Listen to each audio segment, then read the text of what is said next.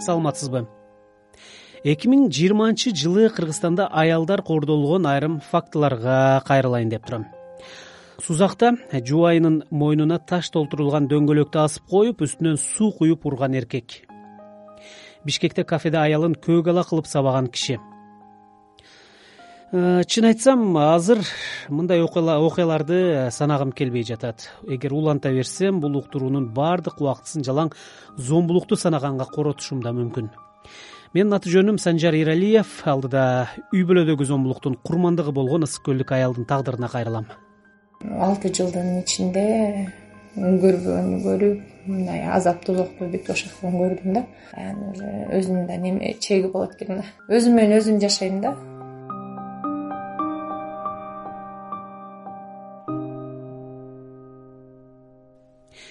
кордолгон аялдарды коргоо жаатындагы бейөкмөт уюмдардын укук коргоочулардын коңгуроо кагып маселе көтөрүп жүргөнүн эске албаганда өкмөттүк деңгээлде жүрүп жаткан масштабдуу иш чаралардан тилекке каршы менин кабарым жок. Албетте жыйындарда айтылат аны деле аял чиновниктер айтып чыгышат. Алдыдагы баян ысык көлдүк айгүл жөнүндө болот ал кордукка толо жашоосу ага каршы күрөшүү тууралуу аймактагы кесиптешим кундуз сырдыбаевага айтып берген болчу айгүлдүн жашы отузда он алты жашында тааныбаган эле киши ала качып кеткен экен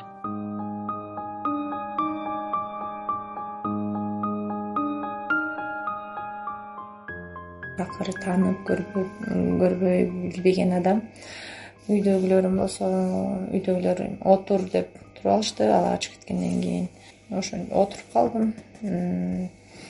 Күйөөм экөөбүз беш жарым жыл жашадык алты жыл ошо алты жылдын ичинде көрбөгөндү көрүп мындай азап тозокту бүт ошоктон көрдүм да. Күйөөм күйөөм болсо мындай неме болчу да ага баары бир болчу да. Үйдө мындай немелер барбы тамак аш барбы ага эме жок болчу. Без разницы. болчу да агачы главное ичип келип эле ыз чуу салып ошентип турчу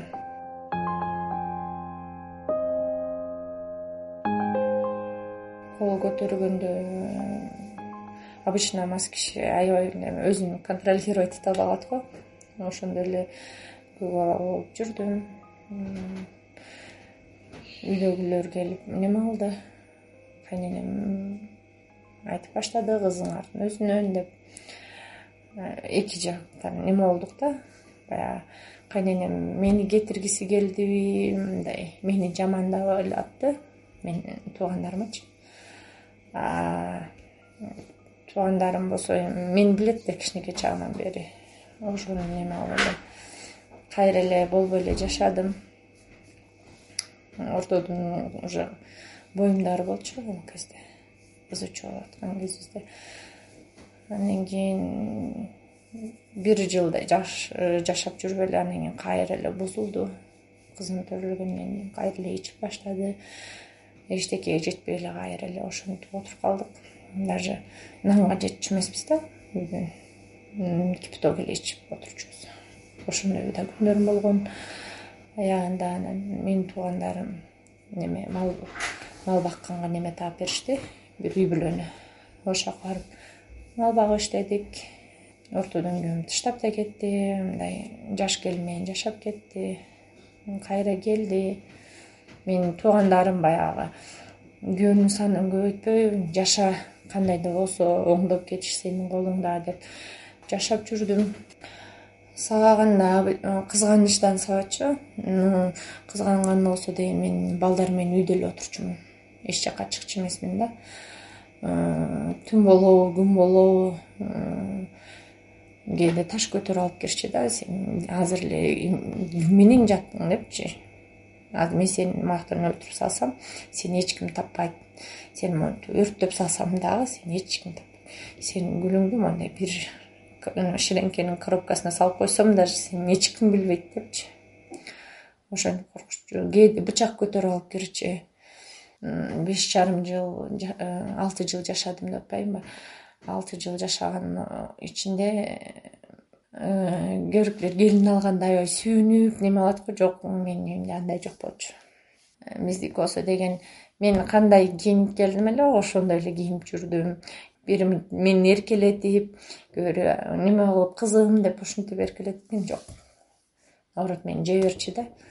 Сен тиги күйөөңөн акча сурадың аны эмнеге сурадың? Деп элечи ортодон бир ызучу болдук кышында мен туфличен кетип баратсам атамдар алдыман чыгып калыпчы. Атамдар келип эле бул эмне туфличен жүрөт мындай кышкы кийим алып бербейсиңерби деп ошентип баштады. Анан алар айтты кызыңарбы алып бергиле деп. Биз мындай неме кылып алып бере албайт экенбиз? депчи. Анда да ажырашып кеттик. Анда да боюмдар болчу. Айла жок кайра эле жашаш керек болду да мындай балдарым үчүн жашап неме кылайын деп. Анын үстүнө туугандарым эле неме кыла берди да баягы күйөөнүн санын көбөйтпө депчи. Ошо мындай э, неме намыстанганымабы мынтип жашап өзүмдү кыйнап жүрдүм. Анан уже өзүнүн да неме чеги болот экен да. Баарына уже күйөөмдүн баскан турганы да аябай көп болуп калды ичип келип эле ызы салганы да көп болуп калды. Анан уже өзүм үй бүлөмө мындай туугандарыма айтпай эле кетип калдым да.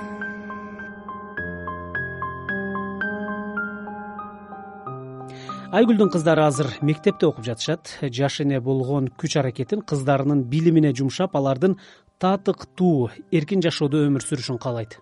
Себеби өз убагында ал өзү каалаган билимди ала албай калган автоунаа жуучу жайдагы ишинен сырткары айгүл азыр үй бүлөлүк зомбулуктан жабыркап ала качуунун курмандыгы болгон келиндер менен да иш алып барат.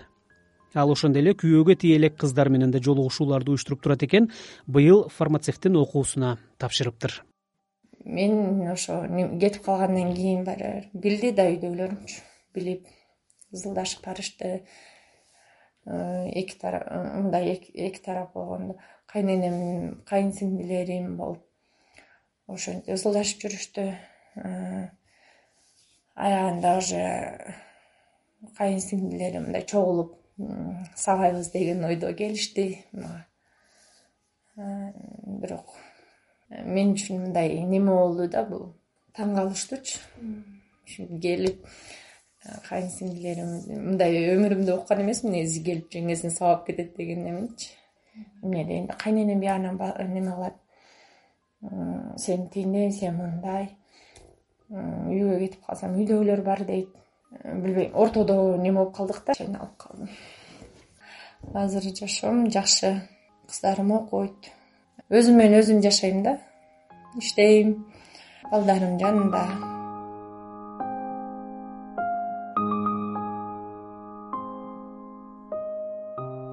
кыргызстандагы иликтөөлөр жаңы үй бүлөлөрдүн жыйырма пайызы ала качуунун негизинде куралары ала качуу курмандыгы болгон кыздардын милицияга кайрылган учурлары өтө сейрек кездешери айтылып келет. Ал эми үйдө күйөөсүнөн зордук зомбулук көргөн аялдар арасында милицияга арыздангандар кийин тууган туушкандардын басымы менен кайра арызын артка кайтарып алган учурлар тез тез кездешет. Укук коргоочулар кордукка унчукпай моюн сунбагыла дешет өзүңүздү жакшы көрүңүз. Жаркын келечекке ишеним менен кадам шилтеңиз. Зомбулукка кабылгандар көмөк сурап жүз он эки же жүз эки номуруна телефон чалса болот. Жана зомбулуктан жабыркаган аялдарга жардам бере турган кризистик борборлорго кайрыла алышат.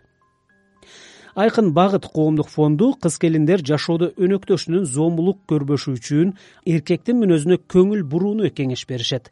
Көрсө зордукчул кишини аныктоо оңой эле экен. Төмөндөгү роликте кеңири түшүндүрмө бар